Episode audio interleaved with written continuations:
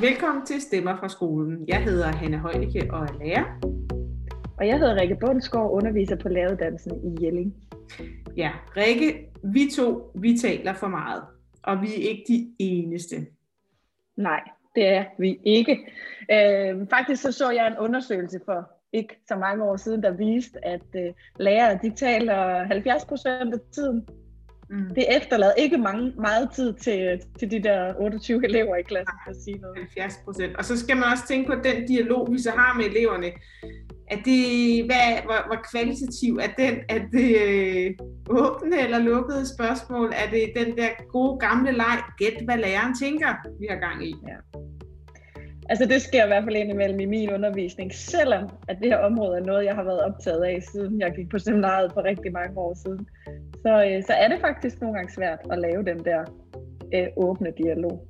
Og det har jeg jo, fordi jeg er optaget af det, også øh, har haft lyst til at tale med mine studerende om. Og i den forbindelse, så faldt, faldt jeg over en artikel, der hedder Lærerens spørgsmål er et vigtigt didaktisk redskab, som er skrevet af Marianne Tolstrup, der er lektor på UCL. Og hende har vi talt med for at få nogle gode råd til, øh, hvordan kan man egentlig komme væk fra de her lærer, gæt hvad læreren tænker spørgsmål. Og hvorfor er det vigtigt at gøre det? Ja, og øh, så har vi altså også i ret mange år nu fulgt øh, Josefine Jack Ejby, som er en meget kendt lærer i det danske lærerlandskab. Øh, og hun har også været optaget af det her emne, og hende havde jeg også en snak med over Zoom. Så øh, hun kom med nogle rigtig fede forslag til, hvordan sætter man gang i sin undervisning, uden at man skal starte med at sige, hvad lavede vi sidste gang? Hvad tror jeg, vi skal lave i dag? Hvad, altså, hvad er 2 plus 2? Ja, øhm, så hun kommer altså bagefter og har nogle rigtig gode forslag til, hvordan vi kan optimere vores undervisning, så det er eleverne, der taler, og så er det eleverne, der taler med hinanden. Ja. Og den her udsendelse, den er som altid lavet i samarbejde med Lærernes A-kasse. Yes. Marianne, tak fordi du vil være med i, øh, i Stemmer fra skolen. Du har jo skrevet den her artikel, Lærerens spørgsmål er et vigtigt didaktisk redskab, som øh, Hanna og jeg har læst med interesse, og som gav os anledning til at lave den her podcast om, om øh, dialogisk undervisning, som er noget af det, du sætter fokus på i artiklen. Men kan du ikke starte med at sige, hvorfor er det egentlig, at lærerens spørgsmål er et vigtigt didaktisk redskab? Jo, men først vil jeg sige tak, fordi I var med. Det er altid dejligt, når der er noget, man synes er vigtigt, at man kan få lov til at brede det lidt bredere ud, end, end en artikel kan nå ud. Jamen, hvorfor er lærerens spørgsmål vigtigt? Det er det jo fordi, at øh, læreren, det er jo lærerens ansvar at planlægge sin undervisning, så den didaktisk når øh, så mange elever som overhovedet muligt. Og der har det øh, lærerens spørgsmål per tradition et redskab, man, man anvender øh, helt tilbage for den kaperske undervisning, hvor man begyndte at gå bort fra at nærmest at bryde tingene ind i eleverne, men man skulle prøve på at, at lave en dialogisk undervisning, hvor de skulle gentage det, læreren sagde, øh, har, har det jo været en, en måde, vi har arbejdet på, i, også i den danske folkeskole. Og jeg kan sådan godt men sende en tanke tilbage til den gamle kaber der, og tænke, om det stadigvæk er hans tradition, der måske gør, at det er lidt svært at komme bort derfra, fordi alle øh, lærere har jo selv været elever, så altså hele ens øh, grundforståelse af, hvad det vil sige at være lærer, ligger jo også som sådan en eller anden form for, for habitus øh, i sted i, i kroppen, kropslig indlejret, som kan være lidt svært at arbejde med. Men jeg er også meget optaget af, af Foucault og hans forståelse af magt. Foucault han har jo sådan en, en, en forståelse af, at magt er ikke et onde.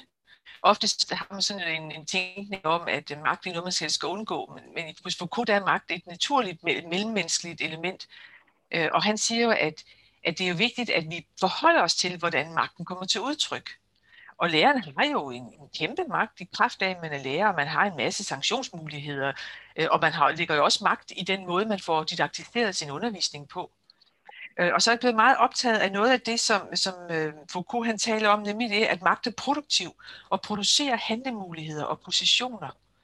Og det betyder jo, at, at som lærer, så har man øh, en mulighed for at anvende magten på den måde, at man kan positionere sine elever som handlende og aktive.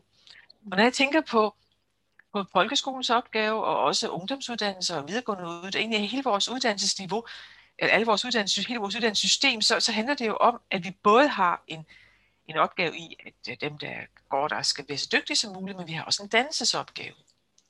Øh, og samtidig der har vi også sådan et hvad skal vi sige, konstruktivistisk grundlæggende syn på, på læring, at det er, handler om refleksion, det handler om at få det, man ved, stadig i forbindelse med det, man ved i forvejen. Altså, undskyld, det, man, man, det nye, man lærer, skal sættes i forbindelse med det, man ved i forvejen. Mm. Så derfor har det jo en enorm betydning, hvordan vi får arbejdet med, med de her spørgsmål som lærer. Mm.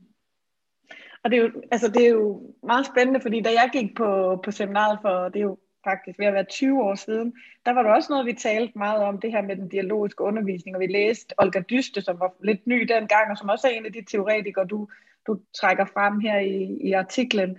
Øhm, men du viser jo også, og det er også derfor, artiklen er interessant, at det er stadig et ret stort problem for os, eller det er ret svært for os, det her med at stille øh, åbne spørgsmål, der, der, der indbyder til dialog.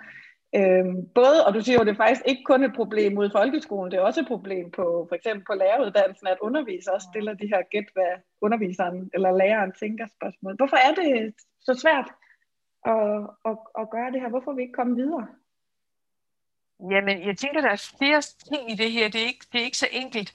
Jeg tænker faktisk, at Olga Dyster har haft en stor indflydelse på vores generelle didaktiske, dialogiske tænkning eller kommunikationstænkning. Og jeg tænker, at der er rigtig mange lærere, der laver rigtig meget god dialogisk undervisning. Men det jeg oplever er, at der, ved siden af den gode dialogiske undervisning, så foregår der også det her andet, meget traditionelle. Og jeg har desværre oplevet, når jeg har prøvet at tale det her over for lærere, at der er simpelthen nogle lærere, der er blevet vrede på mig. De er simpelthen sådan, ja, det, det er jeg ikke enig med dig i. Det er i hvert fald godt, man stiller spørgsmål. Mm. Ja, og jeg tror, at når jeg så går det til dem, så, så har de en forestilling om, at selvom det kun er nogle få, der svarer, jamen så lærer de andre at høre på det, de få svarer. Og det er jo så prøver i min artikel, det er at afdække, hvad det er for nogle udfordringer, det faktisk giver. Ikke? Mm. Fordi der er faktisk nogle elever, der får et selvbillede af dem selv som lærerne, øh, som nogen, der ikke kan.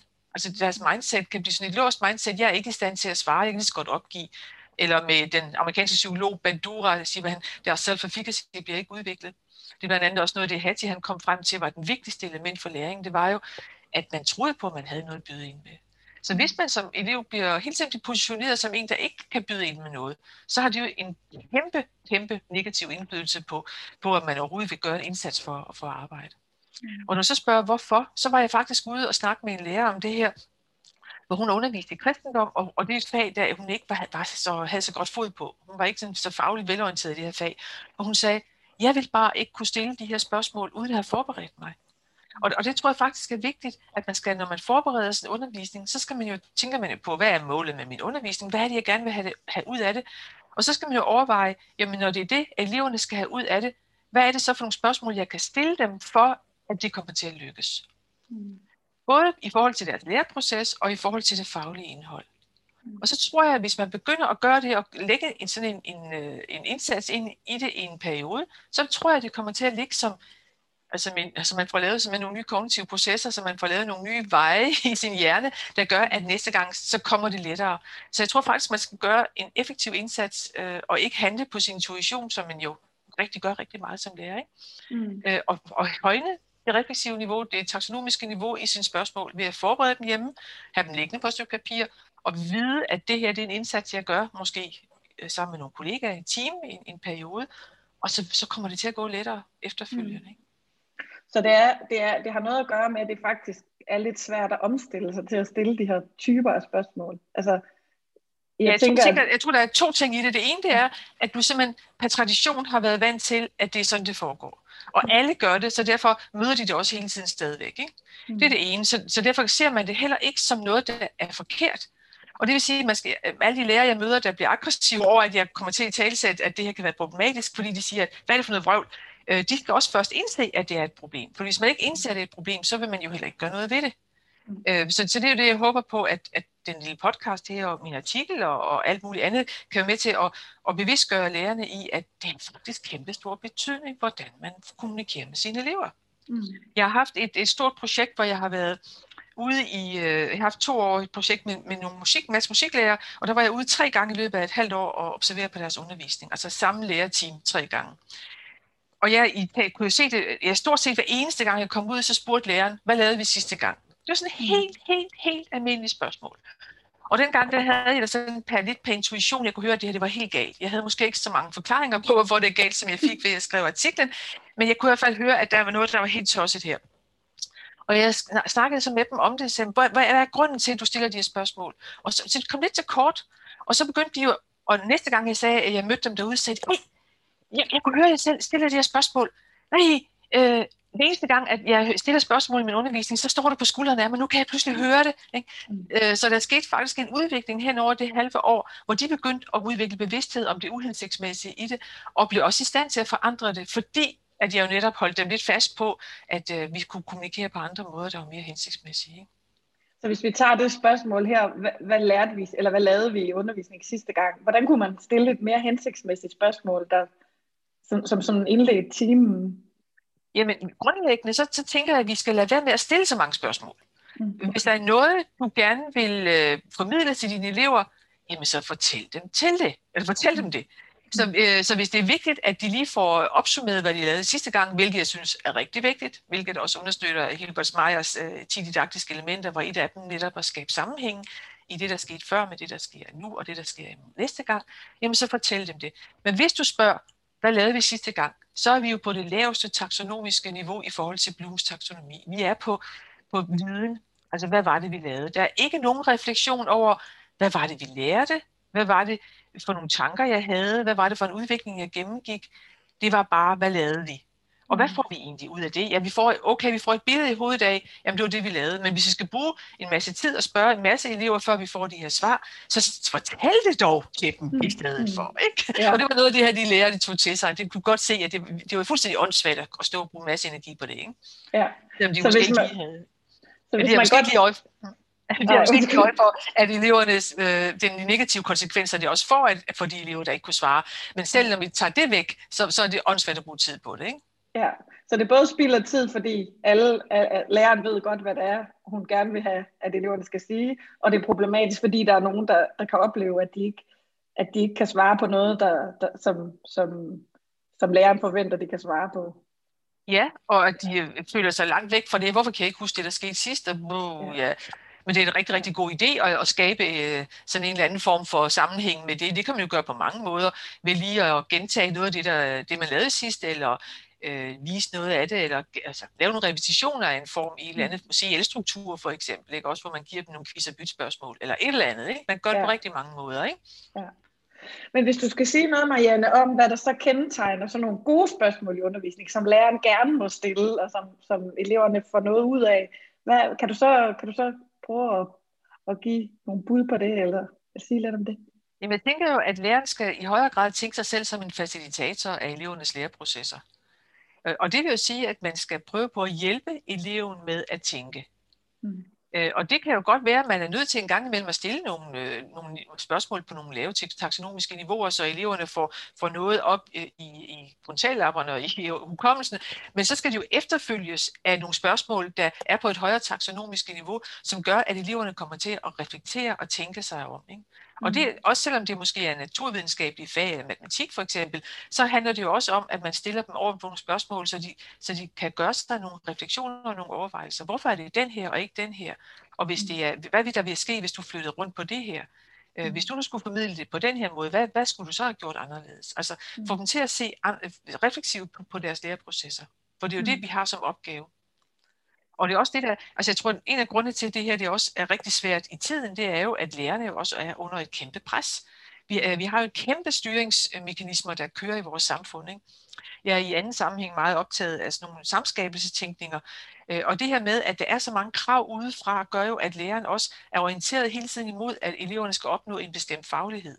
Mm. Og så kommer vi til at understøtte sådan en facetænkning, øh, en karakterdomineret tænkning, hvor vi bare skal have eleverne til at præstere til testene, teaching for the test.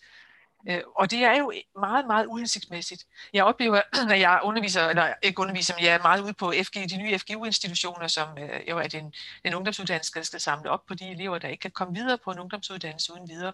Og nogle elever derude, de siger jo, at de har rigtig, rigtig svært ved at motivere sig for, for noget som helst selv, fordi de er blevet så yderstyret af de mm. krav, der kommer. Og det tror jeg med de spørgsmålstyper, hvor vi hele tiden tænker på det rigtige svar, så er vi med til at styre dem i en bestemt proces, at de bare skal levere noget, der skal øh, sættes øh, karakter på, eller siges ja eller nej til, i stedet for mm. selv at tænke, hvad det er, de mener, hvad er det gode og det rigtige mm. Ikke? Mm. Så læreren, de skal prøve at frisætte sig lidt for den der forestilling om, at, øh, at de skal få eleverne til at kunne svare rigtigt, og de skal virkelig få dem til at kunne reflektere i, i stedet ja. for. Ja, helt klart. Ja. Og, og, det, og det, det er rigtig hårdt, fordi man jo altså er i et pres, ikke? Ja. Øh, og der er hele tiden øh, kontrol og tænkning, og hvordan klarer eleverne sig i testene, og hvilke karakterer får de, og alt det her. Ikke? Men når vi ser på afgangsprøverne, så er det jo også meget øh, elevernes selvstændige refleksioner, der bliver ja. honoreret. Ikke? Så, ja. så, så, så i virkeligheden så er, er det jo noget forkert, man kommer til at gøre også øh, over for eleverne. Ikke? Ja, også i forhold til, at de kommer til at kunne klare sig godt. Ja, bestemt, ja. bestemt. Ja. ja. Og bestemt også, hvis de skal videre i gymnasiet for eksempel, så skal de jo kunne det her. Ikke? Ja, ja. Nu har du øh, flere gange nævnt Blooms taksonomi, øh, og, du, og du siger også det her med, at, øh, at det kan være en god idé, eller man skal øve, man skal faktisk forberede de her spørgsmål hjemmefra. Det er ikke bare sådan nogle, man lige kan stå og finde på nødvendigvis øh, med det team. Kan du sige lidt mere om, hvordan Blooms taksonomi kan bruges til at, at, at, at stilisere de her spørgsmål? Eller Jamen altså Blums taksonomi er ligesom delt op i, i to grupper, hvor man har det, han kalder for lavere ordenstænkning, som handler om at stille nogle spørgsmål på vidensniveau. Altså, hvad ved du om det, og hvor mange, og hvor, hvor, hvor tit, og hvor ofte, hvad var det, vi gjorde sidst? Øh, og så det her med at prøve på at få en forståelse for det. Hvorfor var det egentlig, vi gjorde det her? Øh, og, og hvordan kan du bruge det i en anden sammenhæng? Så det er sådan lidt på, på det lavere øh, tænkningsniveau. Og så er det det, han kalder for det højere ordens tænkning. Det er det, hvor man begynder at analysere, syntetisere og, og vurdere. Og så kan der godt være sådan en, en tænkning om, jamen altså, når eleverne ikke er så gamle, eller hvis det er noget nyt stof, så kan vi, skal vi blive på den lave ordens tænkning. Men sådan behøver det jo ikke være. Øh, ofte man, kan man jo godt øh, egentlig starte med en vurdering, man læ- hører en tekst eller læser en tekst, og så laver man en umiddelbar vurdering af noget, og så kan man jo gå tilbage, og så kan man begynde at se, hvad var det egentlig, øh, hvordan forstår vi egentlig de her elementer, der er i den her tekst, og, øh, og hvordan øh, kan vi analysere på det i forhold til forskellige øh, elementer, og så kan man lave nogle nye vurderinger, og se, øh, se tilbage på de vurderinger, man lavede tidligere, øh, og man kan også lave vurderinger på forskellige niveauer, emotionelle niveauer, kognitive niveauer. Altså man, man skal egentlig hoppe frem og tilbage mellem de her niveauer, men jeg tænker også, at eleverne skal også få en forståelse af sammenhængen mellem de her niveauer, og også kende dem. Jeg bruger dem selv, øh, har altid brugt dem i min undervisning, når, mine studerende, det er jo tit i efter videreuddannelsen, men de arbejder, siger, beskriv, forklar og vurdere. Mm. Altså du skal både kunne beskrive noget, men du skal også kunne forklare det, for andre forstår det, og så skal du vurdere, hvad hensigtsmæssigheden er. Mm. Øh, og så kan den egentlig koges ned, Blums taksonomi, til de her tre øh, grundtænkninger. Ikke? Mm. Øh, og så er eleverne også bevidste om, at det ikke nok kun at kunne beskrive, man skal altså også højere op og kunne foretage mm. nogle vurderinger. Og man skal selvfølgelig også kunne begrunde sine vurderinger det, i forhold til beskrivelser og, og forklaringer. Ikke? Det hænger jo sammen. Mm. Mm. Så, så læreren kunne for eksempel bruge det i sin forberedelse og tænke over, har jeg, har jeg lavet nogle aktiviteter, eller stiller jeg nogle spørgsmål, der giver eleverne mulighed for både at beskrive, forklare og vurdere ja, det, som vi arbejder med. det er en rigtig god idé. Ja. ja.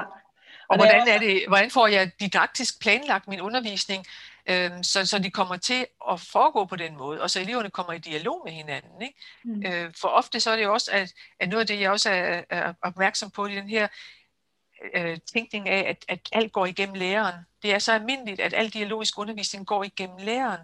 Og jeg kan man godt tænke på sådan noget med, hvordan kan man positionere sig. Jeg tænker sådan tre øh, metaforer. Man kan gå bagved, man kan gå ved siden af, og man kan gå foran. Ikke? Øh, og det her med at gå foran, det er jo det, at man oftest positionerer sig, øh, og eleverne sidder på pladser og kigger op mod læreren, og al kommunikationen går igennem læreren. Mm. Så, så brug det her med rummet som tredje pædagog, for andre rummet, og lad dem tale med hinanden på andre måder. Ikke også? Ja. Det er for også øh, gode, gode greb i forhold til at frigøre sig selv fra alle de her spørgsmål, man kommer til at stille. Ikke? Ja, rummet som tredje pædagog, ja. siger du. Ja. ja. En gammel det... begreb fra, fra Italien, ja. Ja, så det vil sige, altså for eksempel at, sætte, at lade eleverne sidde i en rundkreds og kigge på hinanden, i stedet for at kigge på læreren, eller... Ja, eller CL-struktur, lade dem stå i et par og snakke, eller dobbeltcirkler, eller hvad nu var i coronatiderne, ikke? Ja. Altså, det her med at lære dem også at stille spørgsmål til hinanden, det er faktisk en rigtig, rigtig vigtig proces.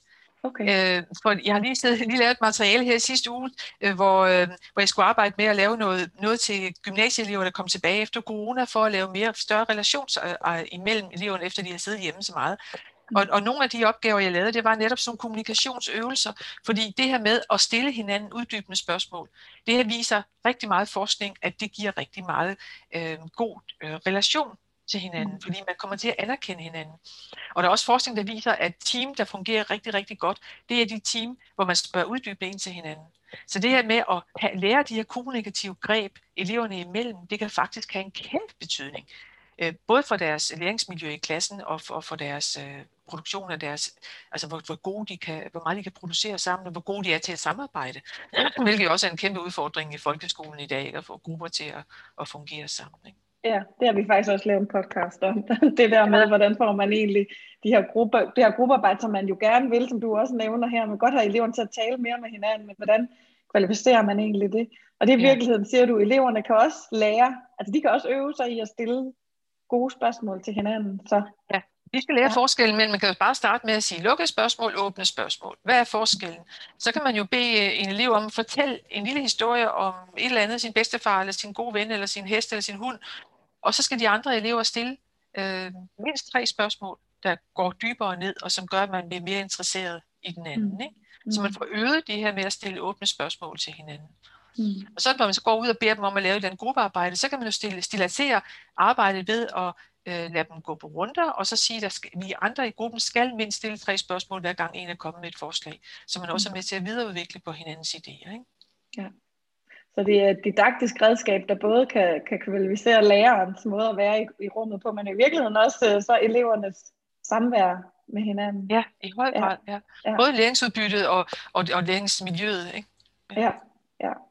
ja. Øhm, nu, nu siger du det her med, at læreren skal ligesom ændre sin position i rollen, eller i, i klassen som den, der ved mest, og som har magten og, og, og, og sådan noget. Men, men man kan jo godt som lærer, altså måske kan en af årsagerne til, at vi lærere taler meget, være, vi tænker, at nu skal vi sørge for at udlægge teksten for eleverne, så vi er sikre på, at de får, får det med, som vi havde tænkt. Og kan der ikke være noget om det? Er det ikke, er det, kan det ikke være problematisk at sige, nu går I i dobbeltcirkler, eller i par, eller grupper, og så taler I om, om, om det her. Hvordan kan læreren være sikker på, at eleverne får, får det ud af det, de skal? Jamen, så har du misforstået helt, hvad det er, jeg mener. For jeg mener bestemt ikke, at læreren skal trække sig tilbage som en faglig øh, fyrtårn. Tværtimod, altså øh, den her med, at al, man kan diskutere sig frem til alting, altså det er understøttet en forkert trend, i, der kører i, i individualiseringens tid. Ikke? Mm-hmm. Selvfølgelig skal man da som lærer komme med sin faglige input og sin faglige oplæg, men så gør det som faglig input, som faglig oplæg. Mm-hmm. Og jeg kan kun anbefale, at man måske i højere grad gør det med flip classroom-greb, at man indspiller nogle små videoer eller podcast til sine elever, og så bruger den tid, de er i rummet på, netop at komme op på et højere taksonomisk niveau. For så kan de jo forberede sig ved at sidde og se en lille video, og de kan spole frem og tilbage, når de så skal reflektere og diskutere den efterfølgende. Mm. Og det handler igen om at didaktisk at få planlagt et rum, hvor der bliver mest mulig tid til refleksion og, og overvejelser. Ikke? Ja. Så selvfølgelig skal læreren ikke gemme sin faglighed bort. Nej, Aldrig. så, man skal ikke, nej, så det er ikke ligegyldigt, at det er en dygtig lærer, der står i klassen, som ved en masse. Det må nej, han eller hun det. gerne. ja, selvfølgelig, selvfølgelig, selvfølgelig. Ja, ja. ja. Men det er Men jo med, Lad være med at klæde, ikke klæde det øh, dumme spørgsmål, ikke? Altså, ja, ja. det er jo det, man nogle gange kommer til, ikke? Ja, ja. Kan du gætte, hvad jeg gerne vil have dig til at sige? Ja, ja. ja. ja. Godt. Men god pointe også at sige, jamen kunne man egentlig lægge noget af lektierne? Øh, kunne det være at kigge på læreren, der fortæller noget, måske i ja. virkeligheden, og så lad, lad os tale sammen med læreren, når vi er over i skolen. Ja. ja. Øhm, Marianne, både inden for dansk og matematikundervisning for tiden, eller ikke for tiden længe, så har der været sådan en, en, en vej mod noget mere undersøgende, som jo også er noget af det, du taler om, det her med at, at, at få eleverne til at, at undersøge verden, i stedet for bare at finde frem til det rigtige svar. Og jeg sad og tænkte på, da jeg forberedte det her interview, om man kan sige noget om, om det faglige indhold og den faglige tilgang ligesom hænger sammen med muligheden for at stille de rigtige spørgsmål. Altså kan man godt, kan man sige, at sådan en færdighedsorienteret tilgang, den, den skal man simpelthen putte ud af klasselokalet. Det skal vi sige, det, der, det, det skal vi ikke bruge tid på mere. Eller, eller, eller hvad tænker du om det? Ja, selvfølgelig er vi nødt til at træne nogle færdigheder. Altså, øh, vi kan jo ikke holde ud at have en befolkning, der ikke kan stave vel, altså, og læse. Selvfølgelig er der færdighedsmæssige elementer i undervisningen. Vi skal bare være bevidste om, hvornår det er det, vi har gang i, og hvornår det er noget andet, vi er i gang i. Ikke? Mm. Øh, og så skal vi jo huske at blande de to ting. Ikke? Men det kan da være, give rigtig, rigtig god mening at lave træningspas af forskellige art, læsebånd og hvad pokker man nu kan finde på, ikke? også øvelser i matematik. Og så, men sige, nu, nu har vi en færdighed, og nu skal vi så lave noget andet. Så også igen elevernes bevidsthed om, jamen, hvad er det, vi er i gang i, så de mm. også øh, er tydelige på, at der er altså forskel på de her taksonomiske niveauer. Ikke? Men ja. den her viden, den er vi også nødt til at være os. Det er jo den samme diskussion, man havde øh, tilbage, da vi begyndte at snakke projektarbejde. Ikke? Man kan jo ikke lave et, et projektarbejde, hvor man reflekterer og diskuterer. Hvis ikke man ved noget, så bliver det igen på et synsningsniveau. Ikke? Mm. Øh, jamen, jeg synes, at måden er grøn, og så kan jeg, og det holder jeg fast i. Ikke? Selvfølgelig mm. er vi også nødt til at ud og skaffe en grundlæggende viden at diskutere ud fra, ellers så kommer vi jo aldrig videre. Nej. Og det er jo også det, du bruger i virkeligheden også bruger Bloom til at, til at, at understøtte, at der også ligger et niveau der, hvor der ligesom er, ja. der, der også er en viden, man skal, man skal bygge videre på. Eller man skal det du sagde før, kan vi overhovedet forlade os på, at, øh, at de selv finder ud af det? Selvfølgelig er vi også nødt til at kontrollere deres viden, for vi er mm. også nødt til at finde ud af, om, om der er tale om en fejllæring. Ikke? Ja. Og det kan vi jo kun finde ud af, hvis vi får, øh, går rundt og lytter, og, eller stiller nogle, øh, siger, nu tager vi en færdighedstest. Vi skal simpelthen lige høre, hvordan det går med, om I har fået fat på de her grundprincipper, eller hvad det er. Mm. Ikke? Mm. Nu, har, nu har vi fået styr på det, vi har fået rettet op på de fejllæringer, der fandt sted, så nu skal vi, skal vi videre i ja. vores refleksioner over det. Ikke? Ja, så det handler om i virkeligheden at bruge den viden, man har til at komme videre op i de taksonomiske niveauer, i stedet ja. for at blive på færdighedsniveauet. Øh, Men det er spændende nok, fordi det er jo noget af det der, altså det der øh, på en eller anden måde modsætningsfyldte, man kan opleve, der kan være imellem det åbne og det lukkede. Altså der siger du i virkeligheden, at, at, at de to ting skal, de skal spille sammen. Altså det, færdigheder og refleksioner hænger, hænger sammen med hinanden. Selvfølgelig gør de det. Ja. ja, ja. Og at læreren, så er det i virkeligheden lærerens rolle at sørge for, at eleverne bliver i stand til at, at flytte sig væk fra det der meget færdighedsorienterede øh, niveau. Og når du snakker om det med, hvordan kan man som lærer forberede sig, så, så er det måske også det, man kan sidde og diskutere med sig selv. Hvad er det for et niveau, jeg er på her? Hvor er det, vi er henne? Skal, er, det, er vi, bliver vi på et vidensniveau her, eller skal vi have dem højere op, og hvordan får jeg det etableret, øh, mm. så eleverne har mulighed for at positionere sig som nogen, der er i stand til at reflektere? Ikke? Mm. Kan du sige lidt mere om det der med, at du, du, du, du, du sagde, at der er nogle elever, der har ret store udfordringer med, at man stiller de her spørgsmål, hvor man har et svar, fordi det kan gå ud over deres øh, selvværd eller deres tro på dem selv. Altså, hvad er det for, for helt konkrete typer af spørgsmål eller måder at være i klassen på, som kan, kan have, have særlig fokus på de der elever, der ikke tør at deltage? Altså, hvordan, udover at stille et åbent spørgsmål, kan man gøre noget mere altså for at få få eleverne ja, der, er, der er jo øh, flere didaktiske greb i det. Et af de sjove, synes jeg, som alle kan gøre allerede i morgen, ikke? det er det her med, hvor lang tid går der fra, at du stiller et spørgsmål, til du beder en elev om at svare. Mm. Øh, og der er forskning, der viser, at det går der 2,5 sekunder imellem, at en lærer stiller et spørgsmål til en elev beder at svare. Og jeg sad selv og skulle jagtage en undervisning, det var på en socialrådgiveruddannelse, og jeg havde lige hørt det her, og så sagde hun, den her lærer, hun baserede udelukkende sin undervisning på at stille spørgsmål. Og jeg sad så og talte øh, sekunder, og der gik under tre sekunder hver eneste gang, hun stillede et spørgsmål til, hun bad hende svare. Og der var tre i det her rum med en 30 mennesker, der svarede. Så sagde jeg til hende i pausen, vil du være, prøv lige at tælle til 10, inden du beder dem om at svare. Og hun havde det svært ved det. Hun gik og frem og tilbage det op foran tavlen, og pludselig 10 sekunder bare rigtig lang tid. Ja. Og det der sjove, der skete, var, som overraskede hende helt vildt, og egentlig også mig, det var, at da hun så kiggede op, og havde, det var gået de her 10 sekunder, så havde alle de studerende hånden i vejret. Så det her med at give tid, og jeg tænker jo også på introvert, ekstrovert, ikke? Mm. bare det, at de lige får tid til at tænke sig om, og jeg kender det jo selv fra min egen undervisning, man bliver sådan lidt utålmodig, og så jeg står og tænker, åh, det er det samme igen igen, ikke? Mm. Øh, men, og, og jeg kan ikke altid, man kan jo ikke altid bare spørge nogle elever, der ikke rækker hånden op, fordi det er måske også at udstille dem. Øh, mm. så det her med at igen at positionere dem, så de har en mulighed for at svare. Altså det kunne være, at man giver dem en, en opgave, så de skal snakke om i altså seriestrukturen alle for en, hvor de får tre, måske øh, en lille tid i grupper på tre til at finde svaret. Så kan alle svaret, øh, og så kan læreren bare svare, øh, spørge en vilkårlig. Og det kan også være, at man øh, bare lige to og to lige skal summe over det, inden at, øh, at at bliver givet, øh, nogen bliver bedt om at svare. Altså der er masser af den slags små greb, man kan bruge. Øh, og jeg tror, jeg, jeg selv jeg er sådan et utålmodigt menneske. Jeg tror selv, at, at jeg synes, at det skal gå lidt stærkt, at vi skal videre, og vi har meget på, på tapetet. Og jeg igen sådan en behavioristisk forståelse. Det er min undervisning, der er i fokus, i stedet for ja. at have fokus på, at det er elevens læring, der er i fokus. Ja. Ja. Og det skal man lige en gang imellem stoppe op og sige. Ja, ja, jeg holdt et oplæg for, for nylig, øh, hvor en hun sagde, at alt det her, det lyder meget godt, men det har jeg jo ikke tid til. Ja. Så siger jeg, okay, lad os lige prøve at vente en gang. Hvad er det, du siger, du har ikke tid til det? Hvad er det vigtige, når du går ind i sådan et undervisningsrum? Jamen, jeg skal have så meget, jeg skal nå. Er det dig, der skal nå det? Er det det, der er i fokus? Eller er det det, din, dem, der sidder foran dig, der skal lære noget? Er det det, der er i fokus? Mm. Nå ja, sagde hun. Det kunne jo faktisk godt se. ja. Men, men det bliver tit sådan lidt vi har meget på tapetet, vi skal skynde os, ikke? Ja, ja vi skal også skal, nå det næste. Vi skal ja. nå det hele, og så skal det være effektiv undervisning. Ja. Og så når vi en tredjedel og to tredjedel er hoppet fra, ikke? Ja. Ja, så tid, det er faktisk vigtigt. Og, og, og jeg, jeg, det er jo en god pointe det der med at ture og, og lade dig være stille lidt tænketid. Ja. Altså det, det kan, kan jeg da godt genkende, når jeg underviser. Det der med, at der skal ligesom være lyd i rummet hele tiden, for ellers er det nok kedeligt, eller der sker der ikke noget. Eller. Ja. Så ture og tælle til 10 ind i hovedet, det kunne vi da give som en udfordring til, til lærere, ja. der sidder og lytter her. øh, Ja, Marianne, her til sidst, kan du så ikke sige, hvis du skulle, hvis du skulle sige sådan nogle gode råd til, til de lærere, der lytter, der gerne vil blive mere dialogiske i deres undervisning. Så det er nok noget også at samle lidt op på noget af det, du allerede har sagt, men, men hvad, hvor skal man starte, og, og, og, og hvad, vil, hvad, hvad vil du foreslå, man, man, øh, man gjorde, hvis man sagde fra i morgen af, der vil jeg godt være mere dialogisk i min undervisning? Jamen, man skal simpelthen holde op med at stille alle de spørgsmål. Mm. Man skal simpelthen holde op med at tro, at det, at eleverne kan svare på lærerens spørgsmål, er en god måde at lære noget på.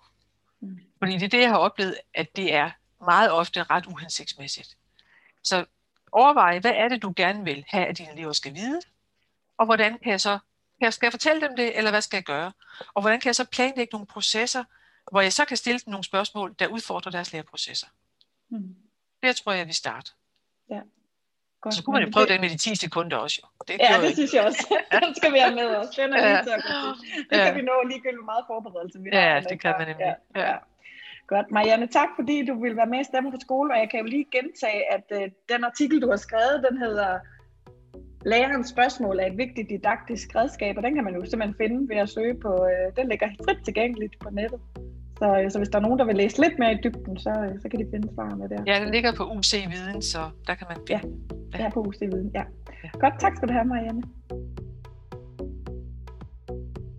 Hvorfor er det overhovedet vigtigt, at læreren ikke rigtig skal fylde noget?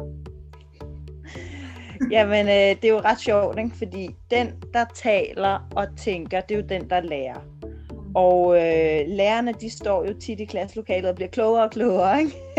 fordi de går, de går hjem, og de kigger på et emne, og de overvejer, hvad er det vigtigste, og hvad skal med, og så går de tilbage i klassen, og de udvælger opgaver og aktiviteter, og taler og taler, og, og bliver virkelig klogere og klogere.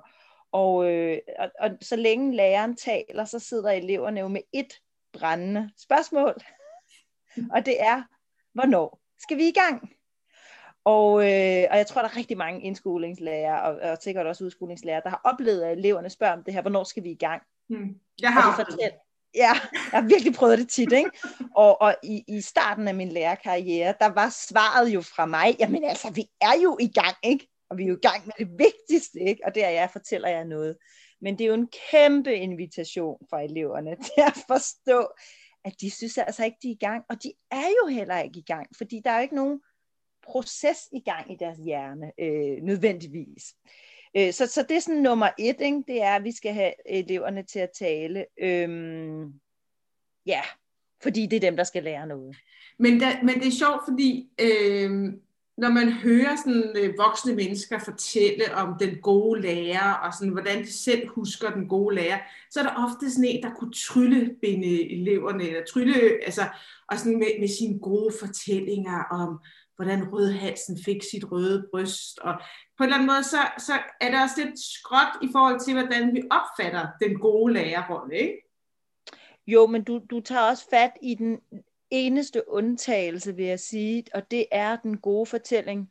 Altså, øh, jeg har meget, meget, meget, meget lidt øh, forelæsning i min klasse. Jeg har den her regel om, at jeg må tale lige så mange minutter, som eleverne er i år. Det gælder jo også voksne, ikke?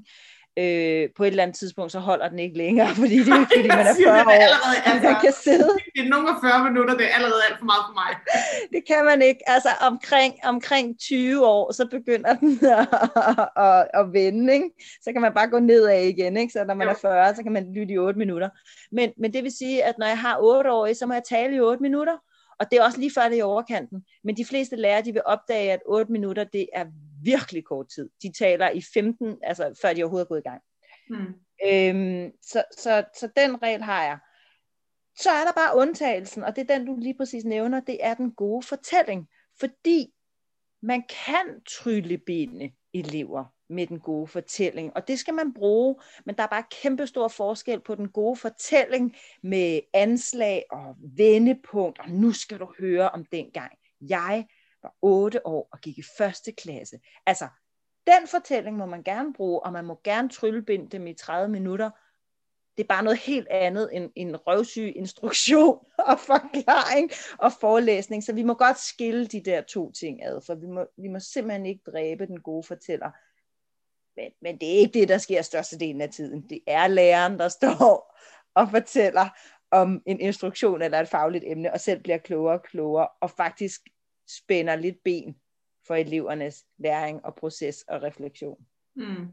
Hvis man nu øh, tænker, øh, jeg er lærer, jeg sidder og lytter til det her, det kunne jeg faktisk godt tænke mig at arbejde med, men jeg vil gerne ligesom have mit team med. Fordi ja. det, altså, det går jo ikke, at jeg i de otte lektioner om ugen, jeg har dem, at, at jeg gør det på den her måde. Vi skal ligesom have fælles fod. Hvordan kommer man i gang med det her? For det er jo også lidt, vi er jo lærer også lidt, vi bryder os ikke rigtig om at blive rettet på, vel? Mm. Altså jeg har sådan et par konkrete ting, jeg har, vi har gjort i mine teams. Det første, vi har gjort, det er lige at aftale det der med, hvor gamle er børnene, hvor mange minutter må vi tale. Og så, så har vi sagt, okay, de er 8 år, vi må tale i 8 minutter. Så har vi sat et ur på tavlen under vores taletid og sagt til eleverne, nu starter jeg uret, jeg må ikke tale længere end det her ur øh, kører, og I skal hjælpe mig med at, øh, at huske på at stoppe, når det stopper. Ikke? Øh, og så skal man lige aftale, må eleverne spørge om noget undervejs. Det plejer jeg at have med, og det tager jo tid fra mig, føler jeg. Men, men, øh, men det, det er jo vigtigt, at, at de kan spørge om noget. Så det er det ene, man kan aftale i teamet, det er, at man har et nedtællingsur, der tæller, når man, når man instruerer eller forklarer noget. Det andet, jeg så har gjort, det er, at vi har aftalt en, et par strukturer for timerne. Altså vi har haft sådan to-tre skemaer for en time. Det vil sige, at vi har sådan et skema, der hedder, først så starter vi med et spørgsmål, og så har vi en markerøvelse, så har vi aktiviteten, opgaverne, det der fylder mest, og så har vi en opsamling. Det kunne være en struktur med fire sådan punkter. Så kunne der være en anden struktur, der startede med øh, en aktivitet, eller vi kunne have øh, den klassiske struktur, der starter med en instruktion. Så vi har altså haft sådan tre skabeloner for timerne, og så har vi kørt ud fra dem.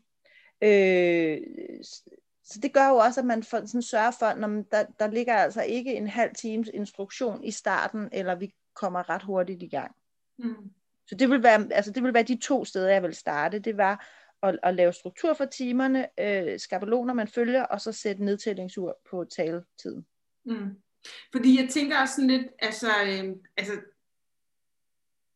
vi taler for meget, og det er der rigtig mange lærere, der gør, det kan vi godt blive enige om. Men vi vil jo også gerne have, at eleverne forstår det, de skal lave. Altså, øh, og hvordan sikrer man, at de her vigtige faglige punkter eller pointer kommer frem til eleverne? Fordi der er også nogle elever, altså der er, der er ikke længere bare 24 børn i en klasse, der er, kan være 26-27, og man når rundt til alle og ved, ved, du er på rette vej. Det er jo ja. derfor, vi taler meget til dem alle sammen, ikke? Jo, jo, altså, øh, åh, det er sådan en stor, dejlig, vigtig ting. Altså for det første, så skal man huske noget som lærer, og det er, at eleverne lærer noget, også når du ikke ser, hvad de laver eller ved, hvad de laver. Altså det er jo sådan en ting, vi får sådan en falsk øh, tryghed i, at vi tænker, hvis jeg bare ved, hvad de laver, øh, så har jeg styr på dem. Men, men altså, selv når du ikke ved, hvad de laver, øh, så har de også lært noget. Øh, jeg gik en gang på aftenskole for at lære italiensk, og øh, det var en meget traditionel italiensk lærer, og det foregik sådan her, at øh, vi aldrig havde samtaleøvelser. Det vil sige, der var kun læreren og en elev i øh, klassen, der sagde noget af gangen. Det vil sige, at hvis jeg var heldig, så havde jeg været til italiensk i to timer, og så har sagt én sætning.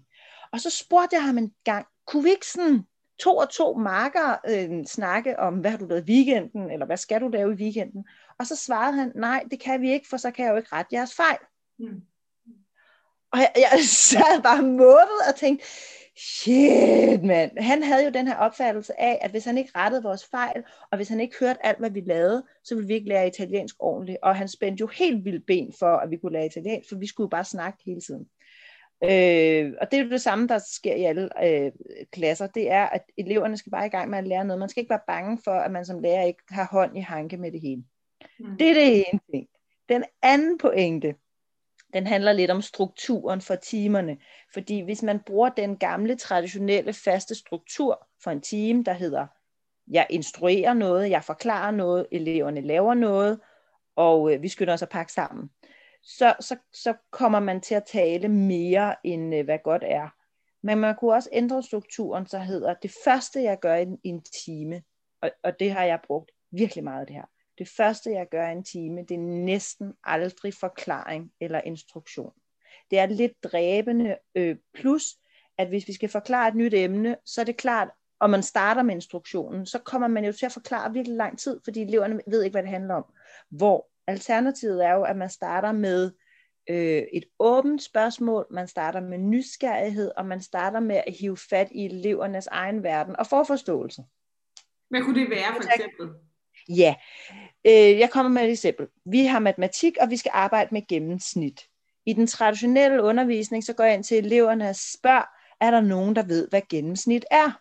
Så er der måske fem, der ved, hvad det er, og så er der fem, der sådan får helt svedige håndflader og tænker, shit, det har jeg aldrig hørt om, men det ved jeg ikke, hvad er, eller åh, det lyder meget svært. Så har vi startet med at lukke døren for nogle elever. Altså, de, de ved ikke, hvad gennemsnit er, og de går allerede helt i panik, og vi gør det jo af bedste mening, ikke? Så nu skal det handle om gennemsnit, ved I, hvad gennemsnit er? Og jeg har selv gjort det masser af gange. Jeg har også holdt op med at gøre det. Øhm, alternativet, det er jo at spørge, øh, hvor høj er en elev her i klassen? Eller hvad vejer jeres madpakke? Eller er jeres madpakke tung eller let? Altså at spørge om ting, som jeg ikke kender svaret på. Det er den, det er den første regel. For, åh, ja, altså jeg får lyst til at snakke om 700.000 ting. Ikke? Fordi, ja, vi skal ind på det der med at kende svaret og sådan noget. Så ja. så det kommer ind på bagefter det, det er nemlig så vigtigt det der med, at man som lærer stiller spørgsmål, som alle elever kan svare på, ud fra deres verden. Ikke? Altså, hvor høj er en elev øh, her i 5. klasse? Jamen, alle elever kan svare på det, for de kan svare, så høj er jeg. Mm. Og så kommer man jo ud i et nysgerrig samtale omkring, hvad nu, der er en, der er 51, der er en, der er 1,55, der er en, der er 1,47. Hvor høj er en elev her? Ikke? Hvad nu, hvis alle elever var lige høje? Så man tager altså udgangspunkt i, i nysgerrighed og noget, de kan svare på. Ja. Skal jeg gå videre til det der med spørgsmål, som alle kan svare på? Jamen, det må du godt. Øhm, eller det er ikke et spørgsmål, som alle kan svare på, men spørgsmål, jeg ikke kan svare på. For det er jo det næste, det er jo, hvis jeg kun stiller spørgsmål, jeg har svaret på, for eksempel, hvad er gennemsnit? Så det ved eleverne godt. De ved jo godt, jeg kender svaret.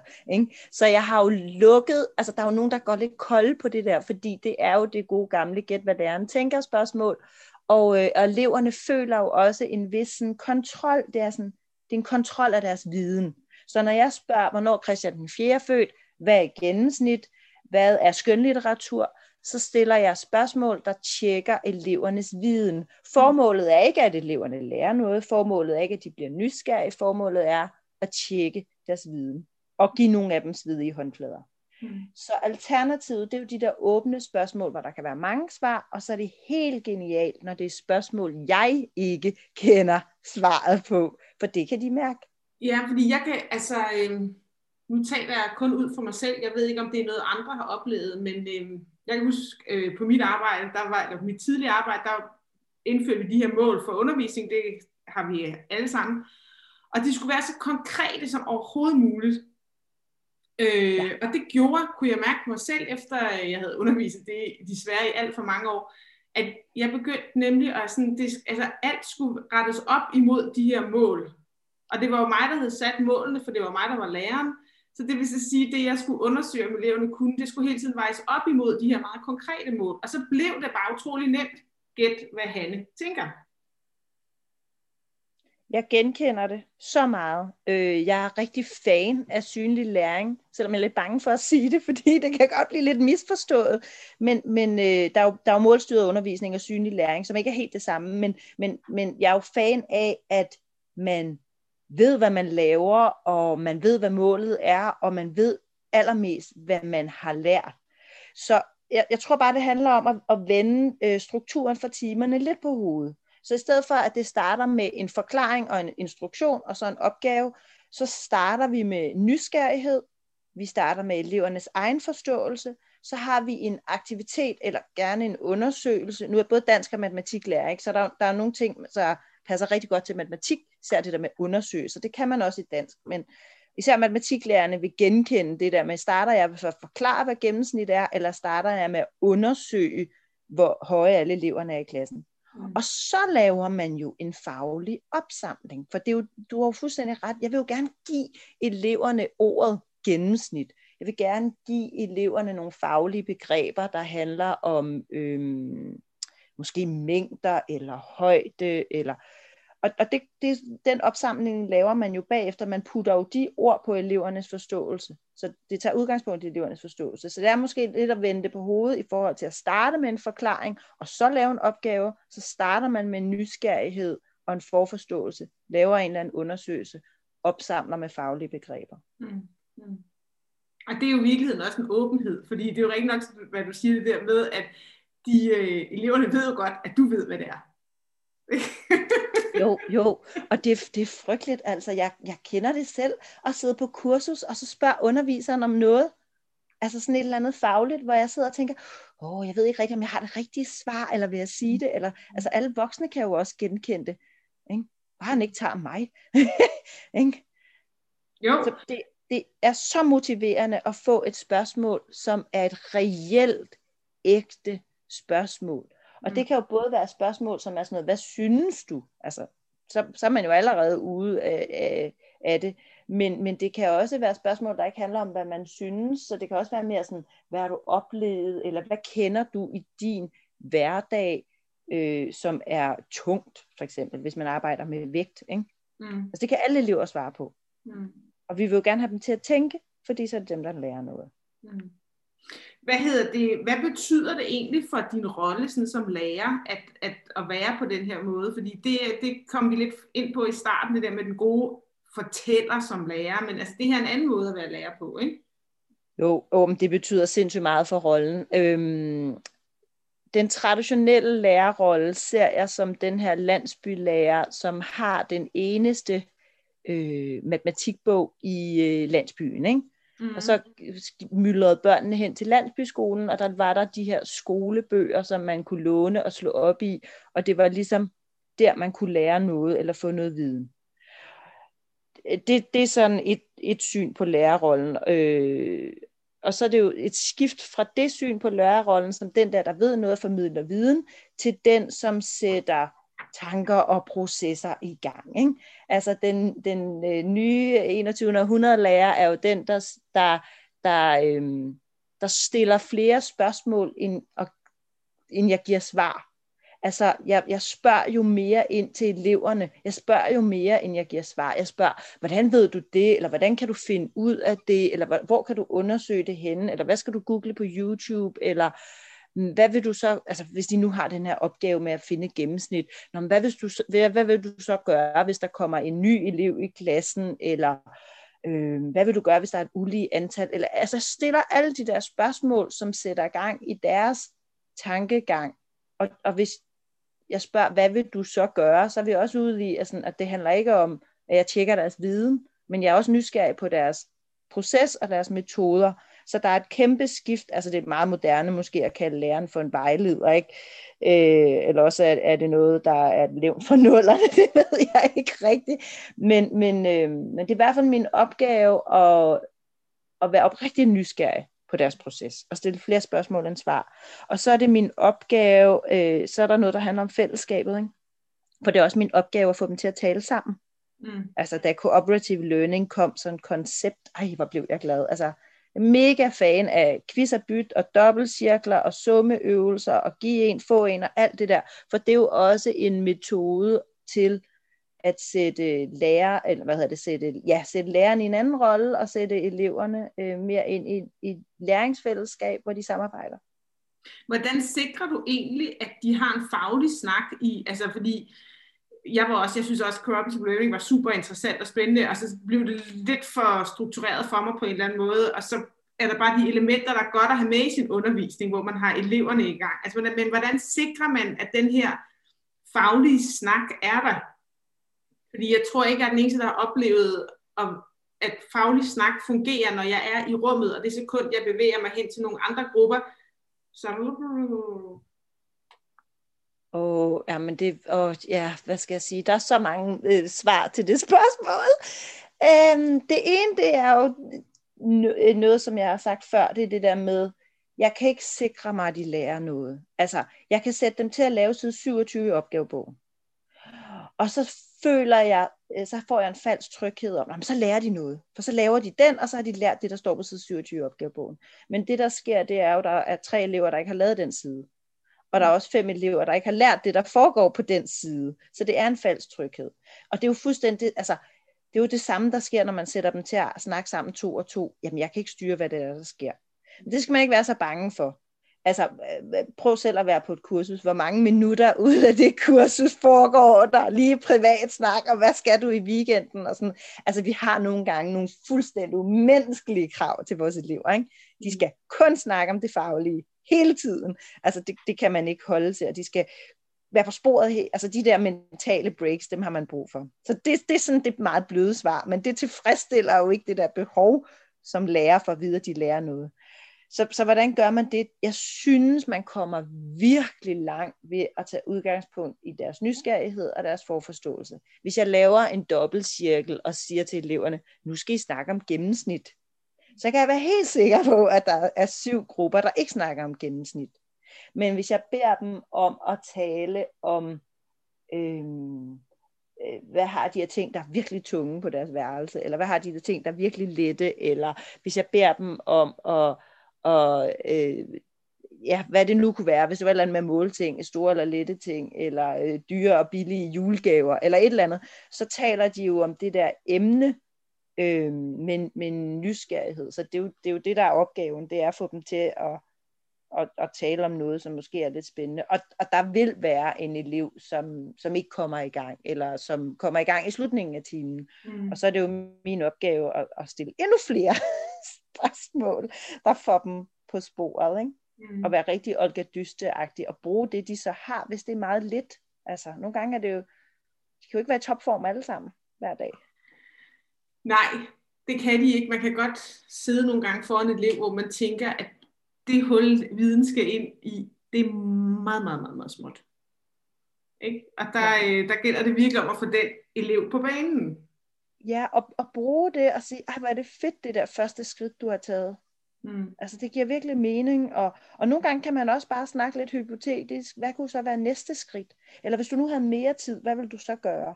Mm. Altså det, det er også godt nok. Altså øh, de er jo i proces, og de er jo forskellige steder, og hvis jeg var i gang med, at, det er jo tit i gang med at lære noget nyt, og der var nogen, der sagde til mig, du sørger mig ikke noget særligt langt, eller du har sørget ikke forstået særlig meget, så vil jeg gå helt koldt på det, i forhold ja. til, at man sagde, ej, du skulle komme i gang, og det er, det er et godt første skridt, og øh, hvad kunne du, hvad, hvis du har mere tid, hvad vil du så gøre? Altså, det er nogle gange mega godt spørgsmål. Mm. Ja. Jo, men man kan jo, det der med, man, altså, man stiller meget øh, store krav til ret små børn i virkeligheden, ikke? Mm. Og nogle gange så kan jeg godt tænke lidt, når jeg sidder og planlægger undervisning, jamen i gamle dage, der sad de der bare og skrev salmevers men det var ikke fordi, de var dummere, eller hvad, eller altså sådan, men hvad er det egentlig, hvad, hvad, altså, er vi blevet dummere, eller er børn bare blevet dårligere til at, øh, at tage imod sådan noget læring, der, der går sådan envejs, eller, eller hvad, hvad tænker du om det? Øhm, jeg tror, at det er et opgør med udenadslærer og, og sådan lidt robot. Øh, altså, jeg gør bare det, jeg får besked på og så øh, er det en manglende forståelse nogle gange. Ikke? Altså, man kan sagtens lære at lave øh, divisionsstykker øh, med sådan nogle traditionelle kasserolleopstillinger, uden overhovedet at forstå, hvad det er at dele noget. Ikke? Man kan også lære at regne øh, med brøker, uden overhovedet forstå, hvad det er at øh, ja, Altså, altså uden overhovedet kunne tage en halv liter mælk, ikke? Altså, eller forstå, at det har noget med brygger at gøre. Mm. Så jeg tror, jeg tror, det er en bevægelse fra, at vi gerne vil have større forståelse ind, øh, frem for bare at gøre ting. Og det, det er jo også det der med, øh, altså det er sådan en spændende snak, ikke? Men der er ret mange ting, der kan gøre ting for os, ikke? Især når vi taler matematik. Altså, det er sgu hurtigere at tage telefonen op af lommen og dividere, øh, end at sætte sig ned med papir og blyant. Så vi har, vi har ikke så meget brug for det der udenadslære. Vi har ikke så meget brug for det der med, når man skriver et salmevers af. Altså, hvad skal jeg bruge det til at kunne et salmevers udenad? Fordi jeg kan jo søge på den salme, og så står den på min telefon. Ikke? Så kan jeg læse hele teksten op, og jeg kan synge med på den. Så, så det er lidt vigtigere at kunne, øh, kunne tænke selv, og kunne få idéer, og kunne vide, hvor jeg søger hjælp. Så jeg tror, det er den bevægelse, det handler om. Mm. Altså, det er noget andet, det giver mening at kunne, når man har alle hjælpemidler teknisk til rådighed. Ja. Altså jeg tænker lidt, øh, de gange, hvor jeg synes, jeg har haft en mest sådan, øh, øh, autentisk øh, spørgsmålssituation med mine elever, det virker sådan meget øh, bedaget at sige det, men jeg kan ikke lige finde nogle andre ord. Men det er, når jeg egentlig ikke har vidst, hvad det var, vi skulle frem til. Jamen helt enig. Altså øh, helt enig. Det er det mest fantastiske, det er, og, og, og det er jo der, hvor vi er ude i, når er læreren den eneste, der har viden om det her emne, og siger, nu, nu skal jeg lære jer at dividere, eller er læreren den, der går ind og ser, siger, oh, jeg har set det her vildt spændende, skal vi se, om vi kan finde ud af det sammen. Mm.